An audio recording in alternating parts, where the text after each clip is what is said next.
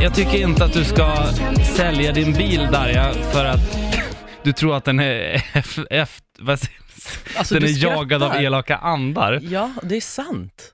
Erik, på Så här, riktigt. jag måste bara säga att jag är lyssnare nu. Och Ja. eh, en, det är en del kommer hålla med dig, Mm. eh, de flesta kommer hålla med mig. Nej. Nej men så här, Ja. du berättade för mig igår, för att det, Mm. du, vi satt här ute och plötsligt sitter du och pratar polska i, i telefonen med din mamma. Ja. Så säger du bara, sen bara, hon, ja, och du bara, ja, nu, nu har mamma sagt att jag måste s- fixa bilen. Du var ju mamma med en bilolycka.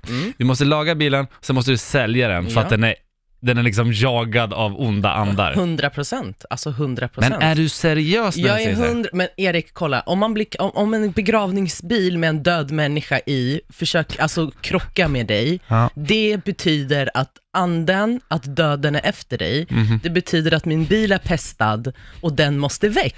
Och så grejen är den att man ska alltid lyssna på sin mamma, det vet alla, liksom mammor har alltid rätt. Och Mm. då litar jag på mammas magkänsla, och hon sa, fixa bilen och så köper vi en ny. Men andar finns inte. Jo, de finns visst. Hallå, vadå? Din, din själ är en ande.